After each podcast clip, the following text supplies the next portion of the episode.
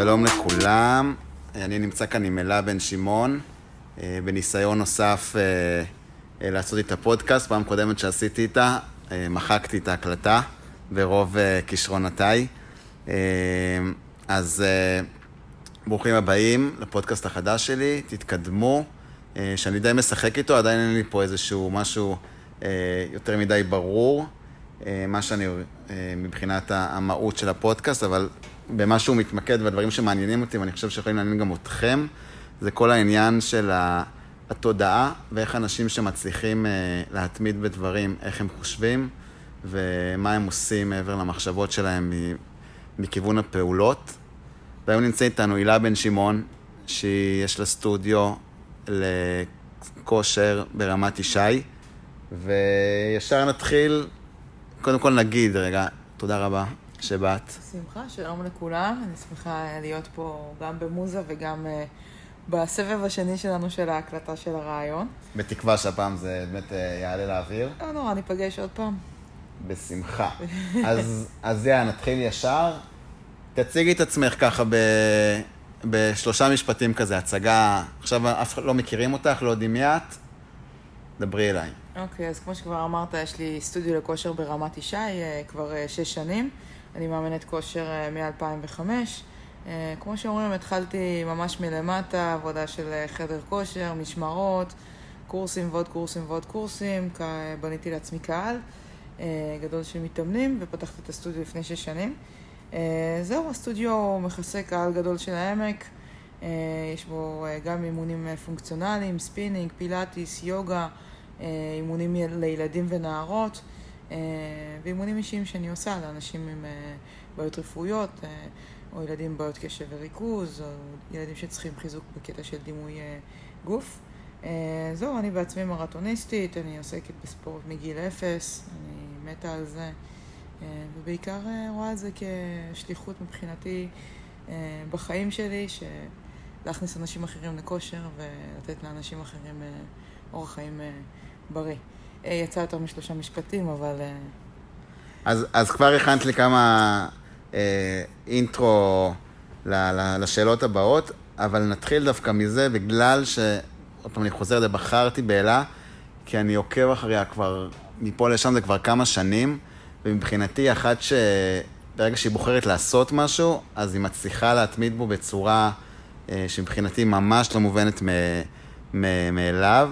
אז ככה, ספרי לי, אני רוצה לצלול לילדות שלך דווקא.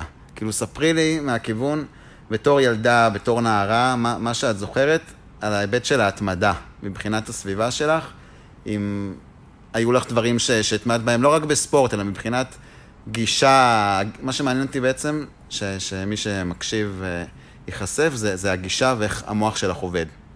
אוקיי. Okay. אמ, um... קצת קשה לי להגיד אה, איך הייתי ילדה מתמידה או לא, אבל אני יכולה להגיד שמגיל מאוד צעיר עסקתי בספורט. אה, מכיתה ב' בערך כבר שיחקתי כדורסל והייתי בקארטה, והתמדתי בזה בכדורסל עד הצבא, אה, עד שפרקתי כתף בצבא וכבר לא יכולתי לשחק. ובקארטה עשר שנים, עד ששוב, הכדורסל והקארטה התנגשו מבחינת לוחות זמנים. בתיכון עברתי בית ספר, אני מקיבוץ גבע, ועברתי בית ספר לבית ספר אה, של, אה, של עפולה כדי ללמוד במגמת ספורט. זאת אומרת, הספורט הוא באמת היה עוגן מאוד מאוד חשוב בחיים שלי. אני מניחה שהרבה מזה הגיע התמדה משם. אבל איך, איך, איך אמרת עשר שנים בקארטה ובכדורסל עד, עד הצבא? כן, שתי איך בעצם שנים. בתור ילדה, זה, זה בא ממך, זה בא מההורים, זה בגלל חברים? מאוד אהבתי את זה, מאוד אהבתי ספורט. חברים, חברות, בעיקר היו דרך הדברים האלה.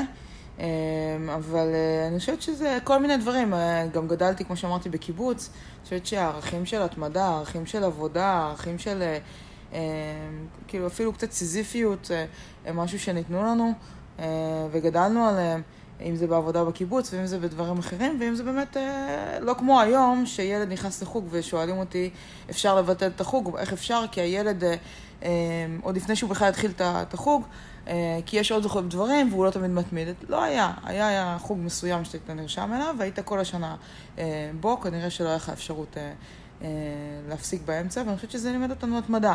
יכול להיות ששוב, היה לי את היכולת הזאת מעבר לילדים אחרים, כן אני יכולה עכשיו אה, להיזכר שלמשל בקיץ הייתה פוגרה של הכדורסל, ואני בתור ילדה הייתי הולכת, אה, ילדה, נערה גם, למגרש בקיבוץ, בחום הכי גדול, מגרש כאילו מקורה, אבל זה כמו חממה, ויכולה לשחק שעות. אז אני מניחה שכנראה היה שם משהו. אה, אבל אה, קשה לי להגיד, אה, הייתי ילדה מתמידנית. זה פשוט אולי חלק ממני, בגיל מאוד וזה בא ממך, בעצם. כן, כן, ההורים לא... שלי לא, לא היו מההורים ש... כמו היום שיש הורים שחולמים שהילד יהיה מסי ודוחפים אותו בכל הכוח. כן ההורים שלי תמיד גיבו אותי שרציתי קראטה ולא היה בקיבוץ, אז אימא שלי הייתה אחראית על הפתיחה של החוג והייתה האימא של החוג כל השנים, ואימא שלי תמיד הייתה באה לכל משחקי הבית שלי בכדורסל. אמ, שוב, מכיתה ב' עד שסיימתי את הכדורסל בסוף י"ב. אמ, אז ככה שאני מניחה שתמיד היה גיבוי בבית, זאת אומרת, אף פעם לא אמרו לי, אה, אל ת... זה לא טוב, תתרכזי בלימודים. תמיד הבינו שאצלי זה ההפך, שכשאני מרוצה מהספורט, אז גם בלימודים אה, אה, אני אצליח ובשאר הדברים. כן, בכיתה י' שעברתי בית ספר, עברתי את פרויקט מיכאל. אה, פרויקט שהוא בעצם אה, ראשי תיבות של מיצוי יכולת כישורים אישיים למצוינות. אה, אז לא קראו לזה קואוצ'ינג, היום אני יודעת שזה בעצם היה קואוצ'ינג, זה בעצם היה פרויקט של 14 מפגשים אחרי שעות בית ספר, דרשו מאיתנו אם זה לא לאחר, ואם זה שיעורי בית בכל מיני דברים ומשמעת, זה וכל מיני דברים בצד הלימודי, אבל כן הקנו לנו דברים ערכיים באמת מעבר לזה, שבאמת נתנו לנו ככה הרבה מאוד אמונה עצמית, אה, כמו, שוב, כמו שעושים היום בקואוצ'ינג, פשוט לא קראו לזה אז ככה, ואני חושבת שזה בהחלט אה, שינה את החיים שלי ונתן לי עוד אה, יכולת התמדה. אבל להגיד אם זה לא היה שם קודם, קצת קשה לי להגיד. אתה יכולה להגיד נגיד את זה. אולי אפשר לשאול את אימא שלי. אתה יכולה... ואת אבא שלי. להתקשר חבר טלפוני. כן. אתה יכולה אולי להיזכר באיזה, נגיד, משהו ש...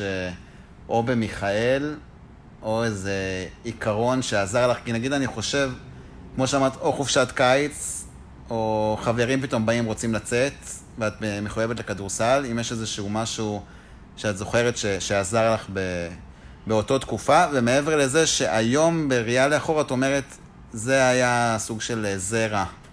קשה לי להגיד שהיה איזה משהו, אני מנסה עכשיו משהו היה ספציפי, אבל כן, היה שילוב, זאת אומרת, אה, שוב, רוב החברות שלי היו מהכדורסל, זאת אומרת, היינו בבית ספר ביחד בכדורסל. לא, לא הייתי איזה כוכבת חברתית באותה תקופה. אה, אבל גם זה לא מאוד חסר לי. להגיד, לשים את האצבע על משהו ספציפי, אני לא יודעת, באמת הפרויקט הזה בכיתה י' מאוד עזר, אבל שוב, הגעתי לכיתה י' כבר שהייתי ילדה שהתמידה בספורט אה, כל השנים, אני חושבת שזה משהו שכנראה גם אהבתי, גם, אה, גם הייתי בו טובה, ובאמת בדיעבד זה מאוד מעניין לראות שלקחתי את זה הלאה בתור מקצוע. יפה, אז יפה, אלה, את כן. מרימה להנחתה. כן. למה בחרת להפוך את התחביב שלך לעסק? הנה, זה כנראה התשובה. בהמשך הייתי בצבא גם קצינת אימון גופני. אמ, וכשהשתחררתי עבדתי בקיבוץ, כמו כולם, איזושהי תקופה בשביל לקבל לימודים, ואז נסעתי לחו"ל לשנה טיול אחרי צבא, ושם כבר חלק, אה, כבר אחרי התואר וזה, ושאלו אותי כל הזמן, מה תעשי שתחזרי לארץ, וככה. הייתי קצת מבולבלת, אבל כנראה איפה שבתוך תוכי ידעתי שאני רוצה להיות מאמנת כושר, מאמנת כושר אישית עכשיו ב... 2003-2004 אה, לא היה מקצוע כזה בארץ, מאמן כושר, ובטח לא מאמן כושר אישי. היה רק חדרי כושר, ורובם היו יחסית קטנים, אה, לא היה איזה, בטח ובטח את הסטודיו שיש היום, בטח ובטח לא היה המון מאמני כושר כמו שיש היום, אה, וכנראה זה משהו שבער בי, והבנתי שאם אני אוהבת ספורט, ואם זה משהו שגם הדרכתי בצבא, ובאמת ככה מחובר עליי, כנראה זה כיוון שאני צריכה לפחות לבדוק אותו. ואיך אומרים, כך היה. וחשבת על ה... כשאת אומרת מאמן כושר אישית, חשבת נגיד לעבוד בתור עצמאית כבר? זה היה בראש שלך? או לא. אמרת, נמצא איזשהו מקום? איך, איך הגעת להיות עצמאית, בעלת זה, סטודיו? זה מאוד uh, שונה מהיום. היום uh, החבר'ה רואים, uh, בדיוק שמעתי אתמול איזה מאמן שאומר, אם פעם uh, אנשים היו הולכים לקורס ברמנים כדי לעשות איזושהי עבודה אחרי צבא וכאילו להרוויח כסף, אז היום אותו דבר עושים על uh, מאמני כושר. זה לא היה, לא היה מקצוע כזה. אני עבדתי משמרות אה, חדר כושר ב-21 שקלים.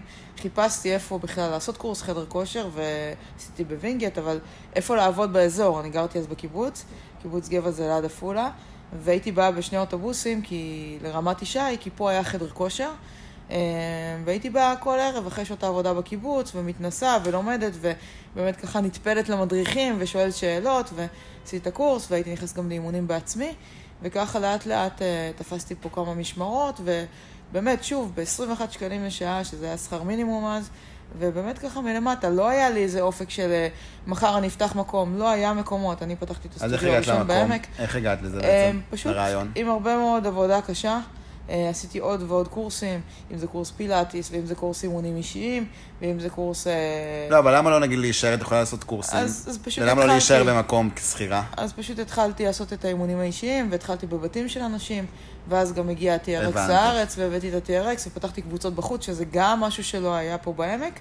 ואז משם זה בעצם הייתה איזושהי התפתחות uh, טבעית של אם אני ממלאה שיעורים פה במכון, ואם אני כל כך uh, מרגישה שאני יודעת שיש לי קהל ואני רוצה להתפתח, הרגשתי שאין לי פה מספיק הכרה, זאת אומרת, uh, בסדר, יש לי איזושהי תקרת זכוכית. אז uh, באמת החלטתי, חבר, יש לי חבר טוב, שהוא אז אמר לי, זה הגיע הזמן באמת אולי לנסות, זה אולי זה משהו שלא קיים וזה, אבל... זה משהו שהוא נשמע כהתפתחות טבעית שלך. כמובן, עשינו ככה איזשהו מערך אה, סיכונים אחד מול השני, ומה מה, מה נרוויח, מה, מה אני יכולה להפסיד, כי באמת כל ההשקעה פה הייתה שלי. אה, וזהו, ובאמת אה, יצאתי לדרך, אי אפשר להגיד עם איזה תוכנית עסקית, אבל המקום התמלא בצורה מאוד מהירה, אני גם הופתעתי. ובאמת בזכות העבודה הקשה שעשיתי שם כל השנים. אז יש לי מקום חם מאוד בלב למקום הזה, אמנם הוא כבר נסגר. חדר כושר שבו עבדתי, אבל אה, אני חושבת שזו עבודה קשה, כי עבדו איתי מדריכים אחרים שלא פתחו מקומות, רובם אה, אה, הפכו להיות אחר כך סטודנטים בדברים אחרים, ולמה? ובכלל עזבו את התחום. אז דו, דווקא זו הנקודה שמעניינת. מה, מה מרגיש לך, או מה את יודעת שאת שונה? ואת בסוף כן הלכת לפתוח מקום משל עצמך. אמ, אני חושבת שהיום... זה עוד יותר שונה, כי, כי, כי זה משהו שבאמת קיים הרבה, הרבה פתחו. אה, לא, אבל אז... זהו, זה, זה, זה מה שבאמת, אה, אם אני מסתכלת על זה בדיעבד, זה באמת היה, אתה יודע, אומץ אה, סלאש טיפשות. הרבה צחקו עליי, אם את פותחת מקום קטן מול חדר כושר ענק. כמו שאמרתי, לימים החדר כושר גם נסגר. אבל כנסי איתי לא רגע לתוך, לא, לתוך לא החשיבה שלך. זה פשוט בער בי, בער בי כמו לפתוח מקום, קבוצות בחוץ. וכמו באמת עשיתי אימונים אישיים, כמו שלא עשו פה הרבה לפניי. פשוט זה היה איזשהו חלק, הרגשה שלי של חלק מתהליך טבעי של לפתוח מדהים. מקום, כי... שוב, לא... לא יודעת, באמת לא הייתה המון מחשבה סביב זה, היה פשוט אה, די, זה די היה אה, איזה סוג של אינטואיציה, באמת אני מודה מאוד לחבר הזה שככה דחף אותי, אבל אה, באמת זה כנראה משהו שהיה בפנים, שהיה צריך לצאת. מה את אוהבת בסטודיו שלך? אה, אני מאוד אוהבת שאנשים אה, באים ו... ונהנים. שיש אנשים. שיש אנשים, כן, אבל זה לא שיש אנשים, כי, כי גם לבית קפה אנשים באים. אני חושבת שפה זה עוד יותר קשה, כי כשאתה בא להתאמץ במקום ולהזיע, זה מדהים שאנשים באים ומתמידים. ושאנשים אה, אה, באמת מביאים את המשפחה שלהם ואת החברים שלהם, את הילדים שלהם, וזה באמת איזושהי קהילה שבאמת גדלה במקום ש... לפעמים אני לא מאמינה, אני, אני באה לאימונים של מדריכים שלי ואני מתאמנת, ופתאום אני מסתכלת מהצד ואני אומרת, וואו, כל זה לא היה קיים אם אני לא, לא הייתי מניעה את זה, לא הייתי עושה את זה, או ממשיכה להניע את זה גם היום. אמ, וזה באמת מדהים שכשאתה רואה אנשים שלא התאמנו, ואפילו שנאו כושר, או שיש להם כל מיני טראומות מהילדות, מהבית ספר ומהצבא, והם אומרים לך, אני לא, אני שונא כושר, ומתחברים, והופכים להיות מכורים. שולחים לך תמונות מחו"ל, הנה התאמנתי ותראי, וגם הילד שלי וגם אני, וזה מדהים, או חסר לי, או לפעמים אני ממש צריכה להילחם עם אנשים של רגע תנוחו היום, כי התאמנתם מלא השבוע. זאת אומרת, האפקט מדהים. שזה עושה לאנשים בעצם. כן. גם הקהילה, ש... גם הקהילה של זה, וגם בעצם האפקט שזה, שיש כאלה, האפקט של אנשים שמשנאה לכושר, אם אני קיצוני, ל... להתמכרות מסוימת לכושר. שינוי של אורח חיים, אם זה בקטע של אה, תזונה. מדהים. אם זה אנשים שהיו אוכלים ממש ממש גרוע, ובלי קשר למשקל, זה איזשהו משהו שאני אומרת הוא בונוס שאתה יורד במשקל. אה, שימצאו לעצמם אורח חיים בריא, שהם רואים שיפור במדדים של אה, סוכר, של, של, של כולסטרול, של צפיפות עצם. מבחינתי זה שווה הכל, הבריאות של האנשים, הרבה מעבר לשני קילו שבן אדם מוריד. לא מזלזלת בזה, זה חשוב, אבל עדיין, זה, מבחינתי זאת לא המטרה. כל כך מסכים איתך. אם אני רוצה להתמיד בספורט, מה אני צריך לעשות? אה, זו שאלה ששואלים אותי הרבה. אני בדרך כלל אומרת... לפי ההשקפה שלך ו- והניסיון שלך, כי, כי אל תתני את התשובה עכשיו, שדעת, בטוח את התשובה הזאת ש... ת, ת, תעשה שלוש פעמים בשבוע, הרי כולנו יודעים, צריך, אתה רוצה, אתה רוצה לרדת במשקל, תאכל בריא, תעשה ספורט באופן תדיר, כן, ותראה. הנוסחה היא ברורה, רק יפה. איך מגיעים לזה. אה, אני חושבת מאמין ש- שלך. דבר בהתמדה. ראשון, צריך לבחור משהו שאוהבים, שבאיזשהו מקום מתחברים אליו. אה, להרבה אנשים זה לא קורה בחודשים הראשונים. יש אנשים שגם לא מצליחים גם אחר כך, יש לי אנשים שכן, בגלוי אומרים לי, אני לא נהנה, אבל אני מגיע כי אני יודע שזה חשוב. אה, למרות שהם אה, מעטים, כי בסוף בן אדם שלא נהנה ממשהו, לא יכול להמשיך לעשות אותו שנים. אני חושבת שפשוט צריך איזשהו, לעבור איזשהו שלב, יש על זה אגב מחקרים, שעד שזה הופך להיות איזושהי שגרה. לצורך העניין, לקחת משהו שהוא הגיוני בלו"ז, למשל פעמיים, שלוש בשבוע, שעה, אה, ולקבוע את זה בשעות נוחות, לקבוע את זה במקום שהוא קרוב לבית או לעבודה, גם על זה יש מחקרים, צריך להיות משהו כמו שבע דקות מהבית או מה מהעבודה. את אומרת? כן. אה, אולי אני טועה וזה עשר, אבל משהו בכיוון. אה, ובאמת לנסות להתחבר בעיקר גם לאיזשהו מקום שתרגיש איתו כיף, אם זה, אם שיש לך מתאמנים אחרים שהם אה, הופכים להיות אה, קהילה, כמו שאמרתי, שזה מדהים שהם באים והם אה, צחוקים אחד עם השני והופכים להיות חברים מחוץ לסטודיו, ואם זה באמת מאמן שאתה מתחבר אליו, לאו דווקא רק בשיטת אימון, אלא גם באני מאמין או באווירה אוקיי. ובכיף. אה, ובאמת למצוא משהו שעושה לך נעים, אם באמת אתה נהנה לקום בבוקר בזריחה ולראות את השמש כל יום, כמוני. אתה צוחק, כי אני יודעת שאתה קצת פחות. אה, טיפה. ובאמת אה, לחשוב את הבנפיט של זה נותן לך אחר כך, כי לפעמים לא כיף לקום מוקדם. אבל כן ההרגשה הזאת של הזריחה, וכן ההרגשה הזאת של ה... וואו, איזה תחושה כיפית זה שהתאמנתי ועשיתי, ו... וכן הלאה. אז בעצם מה שאת אומרת, שדבר אחד זה לבחור משהו שאנחנו אוהבים בתור התחלה. דבר שני, שיהיה קל לבצע אותו ולהטמין, שזה נגיד המר... המרחק לפעילות הזאת, ולו"ז קבוע של שעות. אה, ולו"ז קבוע של כן. שעות. מהמם. וגם כמובן אה, למצוא משהו ש... שתרגיש איזשהו חיבור, זה בעיניי... חיבור לאותו בן אדם. לאותו בן אדם, למקום, לספורט שאתה עושה, אחרת לא תצליח אה, להתמיד בזה. וגם מטרה שהיא ריאלית.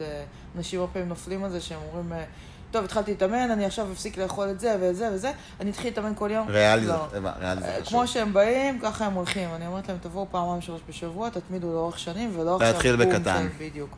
של חמש פעמים בשבוע, ואז אין סיכוי שתתמיד בזה. להתחיל בקטן, ומה שנקטע לי המחשבה, זה בעצם, את אומרת, לפעמים להסתכל גם מה זה נותן לי אחרי. כן. ולאו דווקא עכשיו אני קם בחמש בבוקר, איזה באסה, אני מקלל, שונא את העולם, אלא להגיד, אוקיי, סבבה, אני אקום, אבל בשבע בבוקר אני יש אחרי, מצב ש... ואני נהנה, ואני... כן. כל כל היום יהיה באנרגיה. מה הספורט המועדף עלייך? אה, האמת שכמו שאמרתי פעם, שחקתי כדורסל והייתי בקארטה, ובגלל שפרקתי כתף בצבא, כדורסל זה לא אופציה. אה, אז באיזשהו שלב עברתי יותר אה, לתחום הריצה. בשנים האחרונות עשיתי שלושה מרתונים. אה, ככה, היום הריצה היא בעצם המקום שלי, זאת אומרת, אני... למה ריצה? מה? החיבור שלך לריצה? אה, אני חושבת שדבר ראשון היה מקומדים. אני מאוד נהנית לרוץ פה, אם זה בשדות, אם זה בכבישים של העמק. אה, כמו שאמרתי קודם, אני מאוד נהנית מהזריחה. והשעות האלה של השקט של הבוקר, לפני שכולם מתעוררים, לפני שמתחילים הטלפונים, והעניינים של הניהול של המקום, והאימונים שאני בעצמי מעבירה. זה מקום כזה שנותן לך איזשהו שקט של עצמך. אני חוזרת משם עם הכי הרבה תובנות, ואני חוזרת רגועה יותר, אם יצאתי עצבנית ממשהו או מבואסת ממשהו, בדרך כלל אני חוזרת אה, מרגיע אותך. הרבה יותר טוב, כן, כן. וגם זה נותן לי איזשהו אתגר מסוים בשבילי, זאת אומרת, אה, במהלך האימונים למרתון, במהלך המרתונים עצמם, אני חושבת שלמדתי הרבה על עצמי, אם זה סבלנות ואם זה באמת... אה, ריצה למרחקים ארוכים היא בעצם מלמדת כמו החיים. אין זבנג וגמרנו, אין עכשיו, התחלתי להתאמן מחר אני ארזה חמישה קילו, וכן הלאה להשליך את זה לדברים אחרים. למה אבל באמת בחרת? התמדה. למה באמת בחרת במרתון? אבל כי אפשר נגיד לרוץ אה, עשרה קילומטר. לא התחלתי ממרתון, התחלתי באמת, אה, רצתי הרבה שנים ריצות של 10, ככה 15, ואז אה, כשהבנתי שאני רוצה טיפה להעלות את הקילומטראז', אז לקחתי בעצמי מאמן, שהוא חבר טוב שלי כבר הרבה שנים, והוא מרחוק כותב לי תוכניות, והתקדמנו לחצי מרתון, ואז תהליך טבעי שגם לאתגר למרתון. אני חושבת שהיה בזה אתגר. Uh, אני מאוד שמחה שעשיתי את זה. Uh, בינתיים עשיתי שלושה, אחד כל שנה, מאז שהתחלתי בריצות האלה. Uh, כרגע לשנה החדשה אני עדיין מתלבטת על המטרה, יכול להיות שאני אעשה עוד אחד, יכול להיות שהשנה אני אעשה פגרה ממרתונים וארוץ רק בשביל הכיף. אבל גם עכשיו שאני רצה בלי תוכנית ורצה בשביל הכיף, אני מתמידה בארבע פעמים בשבוע, ואני מאוד נהנית מזה ולא מפספסת. אז בואי רגע נדבר על ההתמדה שלך דרך הריצה. איך, אם את יכולה לנסות רגע לפרוט את זה מהכיוון של פחות המכניקה, לקום בבוקר, אלא מבחינת איך אני מביא את עצמי, איך אני, איך, עזבי איך אני מביא, איך את מביאה את עצמך. להתמיד את זה, גם, גם כספורטאית, כי אני רוצה שאנשים יבינו, ואני מסכן אותי להבין איך המוח והראש שלה חושב, שעכשיו הוא שם לו מטרה לרוץ מרתון, זה 42 קילומטר, איך אני עכשיו מתמיד בזה, כי צריך הרי להתאמן לזה חודשים לפני. כן. אז תראה, זה, זה דווקא החלק הפשוט, כי ברגע שהצבת מטרה שהיא מרתון, יש תאריך, ומשם גוזרים אה, תוכנית אחורה. זה בדיוק כמו שאני עושה למתאמנים שלי שרצים חצי מרתון. איך מתמידים בתוכנית אבל? אז זהו, אז זה, זה, הרבה, זה כבר לדעתי החלק היותר פשוט. אגב, לרוב האנשים קשה להתמיד כשאין להם תוכנית. הם מתפזרים בתזונה ומתפזרים באימונים, הם לרוב מפסיקים. כשיש לך מטרה, למשל, שאתה יודע שבאפריל, בראשון באפריל יש לך מרתון, אז אתה גוזר משם את התוכנית, אתה פשוט מתחיל לעשות אה, העלאה של עומסים עד אה, שלושה שבועות לפני, ששם זה בדרך כלל הפיק, ומשם פשוט גוזרים, אה, ואז כשיש תוכנית, אתה יודע שיש לך חמישה אימוני ריצה בשבוע, מה אתה עושה בכל אימון, זה הרבה יותר קל דווקא. אני חושבת שהחוכמה היא להתמיד דווקא שאין לך את התוכנית. אפשר? אפשר, הנה, אני, אתה רואה? שאני רצה כבר באפריל עשיתי את המרתון, אנחנו היום באמצע אוקטובר, ואני רצה להנאתי. עדיין ארבעה אימונים בשבוע. אז נכון שיש לי את הרקע, אני יודעת כבר לרוץ איזה, מה פחות או יותר ב, באיזה יום וזה, אבל שוב, זה, זאת לדעתי החוכמה יותר. אה, ולגבי מה, למה עוד פעם חוזרים למקום הפשע, כמו שאומרים, אה, לרוץ מרתון זה יום של המרתון. זה סיוט, כל מי שיגיד לכם משהו אחר, הוא בא כנראה לטייל. זה מאמץ מאוד מאוד גדול, אתה עובר uh, משברים מאוד גדולים בדרך. יכולה לספר על כל מרתון שעות, אבל בגדול, אה, אני לא זוכרת הרבה מהמסלולים של המרתון, מה שזה אומר שהייתי מאוד פוקוס בזמנים ובמאמץ. אה, זה לא כיף גדול, זה, זה, זה, זה באמת מאמץ מאוד גדול. אה, כמובן שכל מרתון סיימתי עם דמעות וקוצר נשימה מהתרגשות, כנראה שיש בזה משהו מאוד מאוד משמעותי. אז הכיף זה אחרי, את אומרת. כן, לדעת שסימנת גם עוד וי מטרה מסוימת, גם שעברת תהליך, וכל מרתון כזה הוא שינה אותי בהרבה דברים.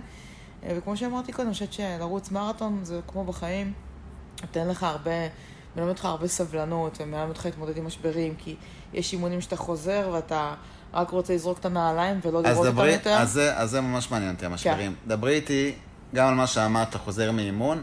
אבל, ואז בעצם מה זה עושה לאימון הבא. אוקיי. זה אלמנט אחד, או לפני, או לפני, שאת אומרת עכשיו, הוא הולך לישון מאוחר, יש לי אימון מחר לקום בארבע וחצי בבוקר, איך, ולא בא לי, איך אני מתגבר על הקושי. זה באמת הדברים שאתה אומר לעצמך, א', מה שאתה מרגיש אחרי, אה, שאתה זוכר את התחושה וכמה זה כיף אחרי. אגב, יש אימונים שהם מאוד קשים, שזה אימוני מהירות, אינטרוולים, טמפו, שזה אימונים שהם באמת מוציאים לך הרבה, וזה קשה לקום בשביל זה, וזה לפעמים מבאס, וזה כבר מגיע לריצות של אה, שעה וחצי, שעתיים. אה, הריצות הארוכות לפני המרתון, אגב, זה כבר 32-34 קילומטר, זה כבר ממש אה, חצי יום עבודה, זה שלוש ומשהו שעות של ריצה, ובנוסף יש לך את התזונה שלפני, וזה כבר הופך להיות התעסקות די, די גדולה בתחום איך, הזה. אז איך אתה לא נשבר? אני חושבת שיש לא איזשהו, כמו עליות וירידות כאלה, שאתה אומר לעצמך, כמו בחיים.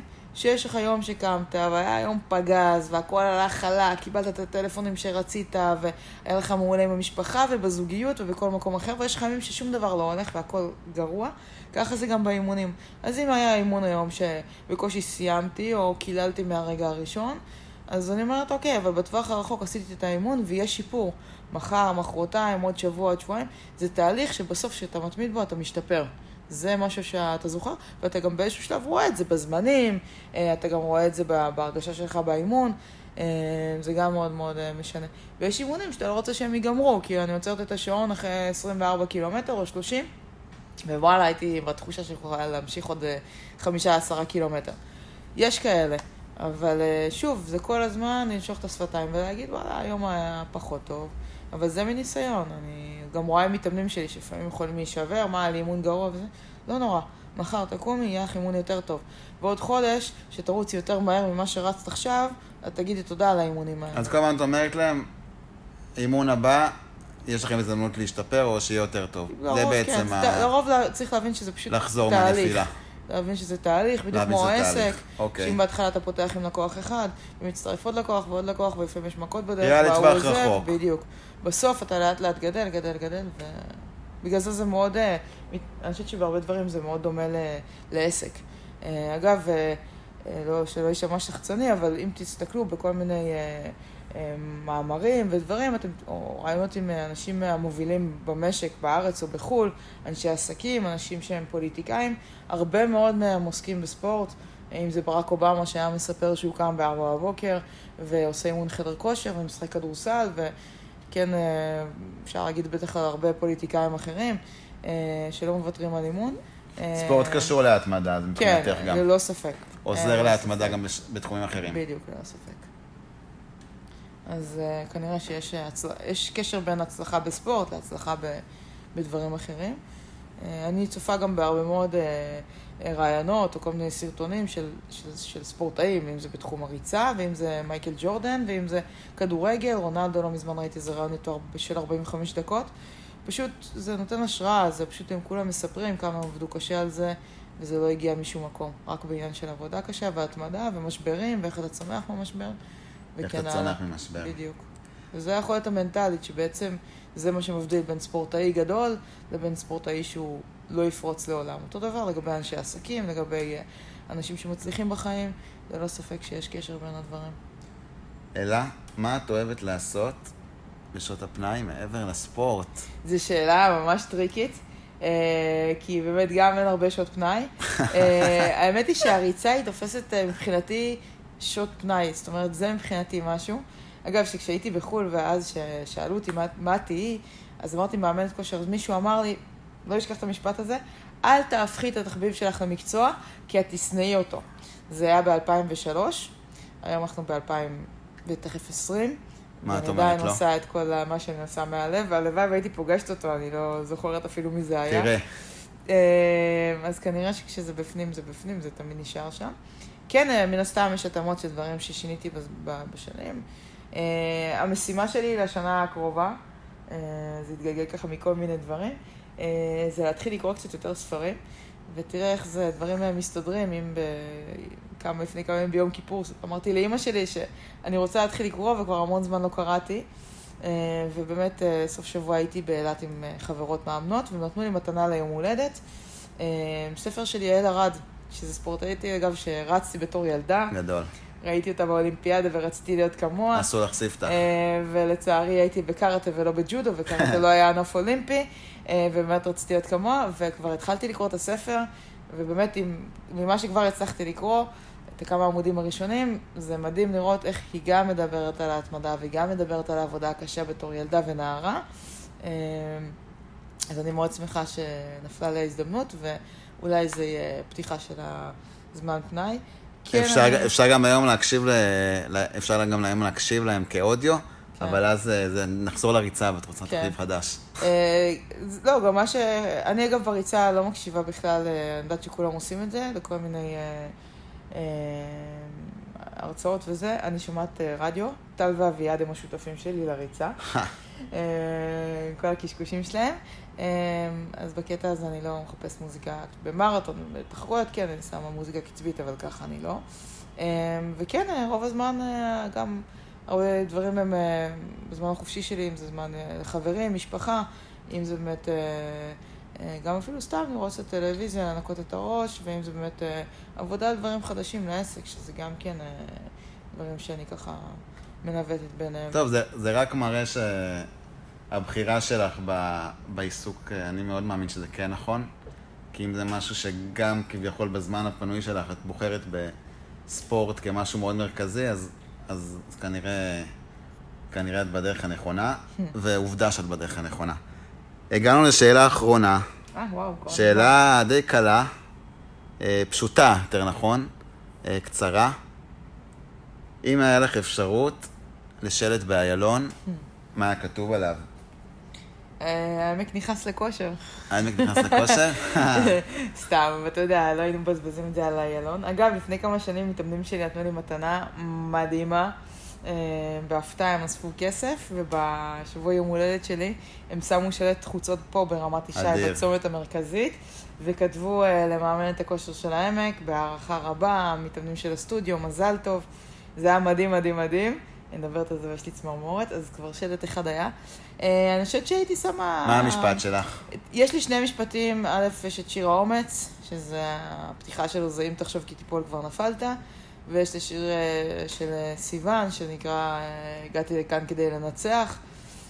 יש לו המשך, עברתי הכל כדי להפסיד, זה באמת שיר גם כן מאוד עוצמתי. שאת שמה את זה אותו בספינינג. מש- גם, נכון? כן, הייתי פעם בספינינג כן, איתך? כן, כן. כן, כן, זה שיר שנותן הרבה אנרגיה, בעיניי לפחות. אני לא כל כך אוהבת להתחבר יותר מדי למשפטים שכבר כולם אמרו וכולם שמו אצלם בכל מיני סטודיואים, אני אוהבת אה, בקטעים האלה להיות טיפה יותר אה, מקורית.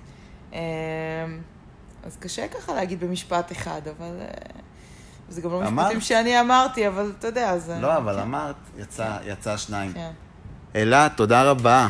בבקשה, בכיף בכיף, היה תענוג. והתאמנו. אני רק רוצה, לה, לה. אני רק רוצה לסכם את זה, שבאמת אה, להיות, להיות ככה מתמיד, ו, ומעבר, ולדעתי, אחת הסיבות שאת מתמידה מהצד שאני רואה אותך, זה בזכות השילוב הזה שאמרת שהספורט ו, ומי שאת, זה בעצם הספורט זה משהו שהוא עמוק בתוכך, וברגע שאתה בוחר במשהו שאתה מבין שזה, ייעוד זה מילה גדולה תמיד וזה, אבל זה סוג של ייעוד כזה, וזה סוג של משהו שהוא... כן, זה לא היה משהו בתור אה, אמירה שלי של אה, אני, הייעוד שלי בחיים. נכון. זה, זה קרה מעצמו, אני אומרת את זה בדיעבד, אחרי כל כך הרבה שנים שאני בתחום. וזה עובד, זה פשוט עובד. מראה שזה עובד, ו- ומהצד אני אומר, ש- אני רואה שזה אה, עובד וזה דוגמה, ואת השראה כל פוסט שלך, וגם לא דיברנו על זה, אבל כל ההתמדה שלך בפוסטים שלך ובמדיה החברתית, זה תמיד נותן לי שאת משתפת במובן האישי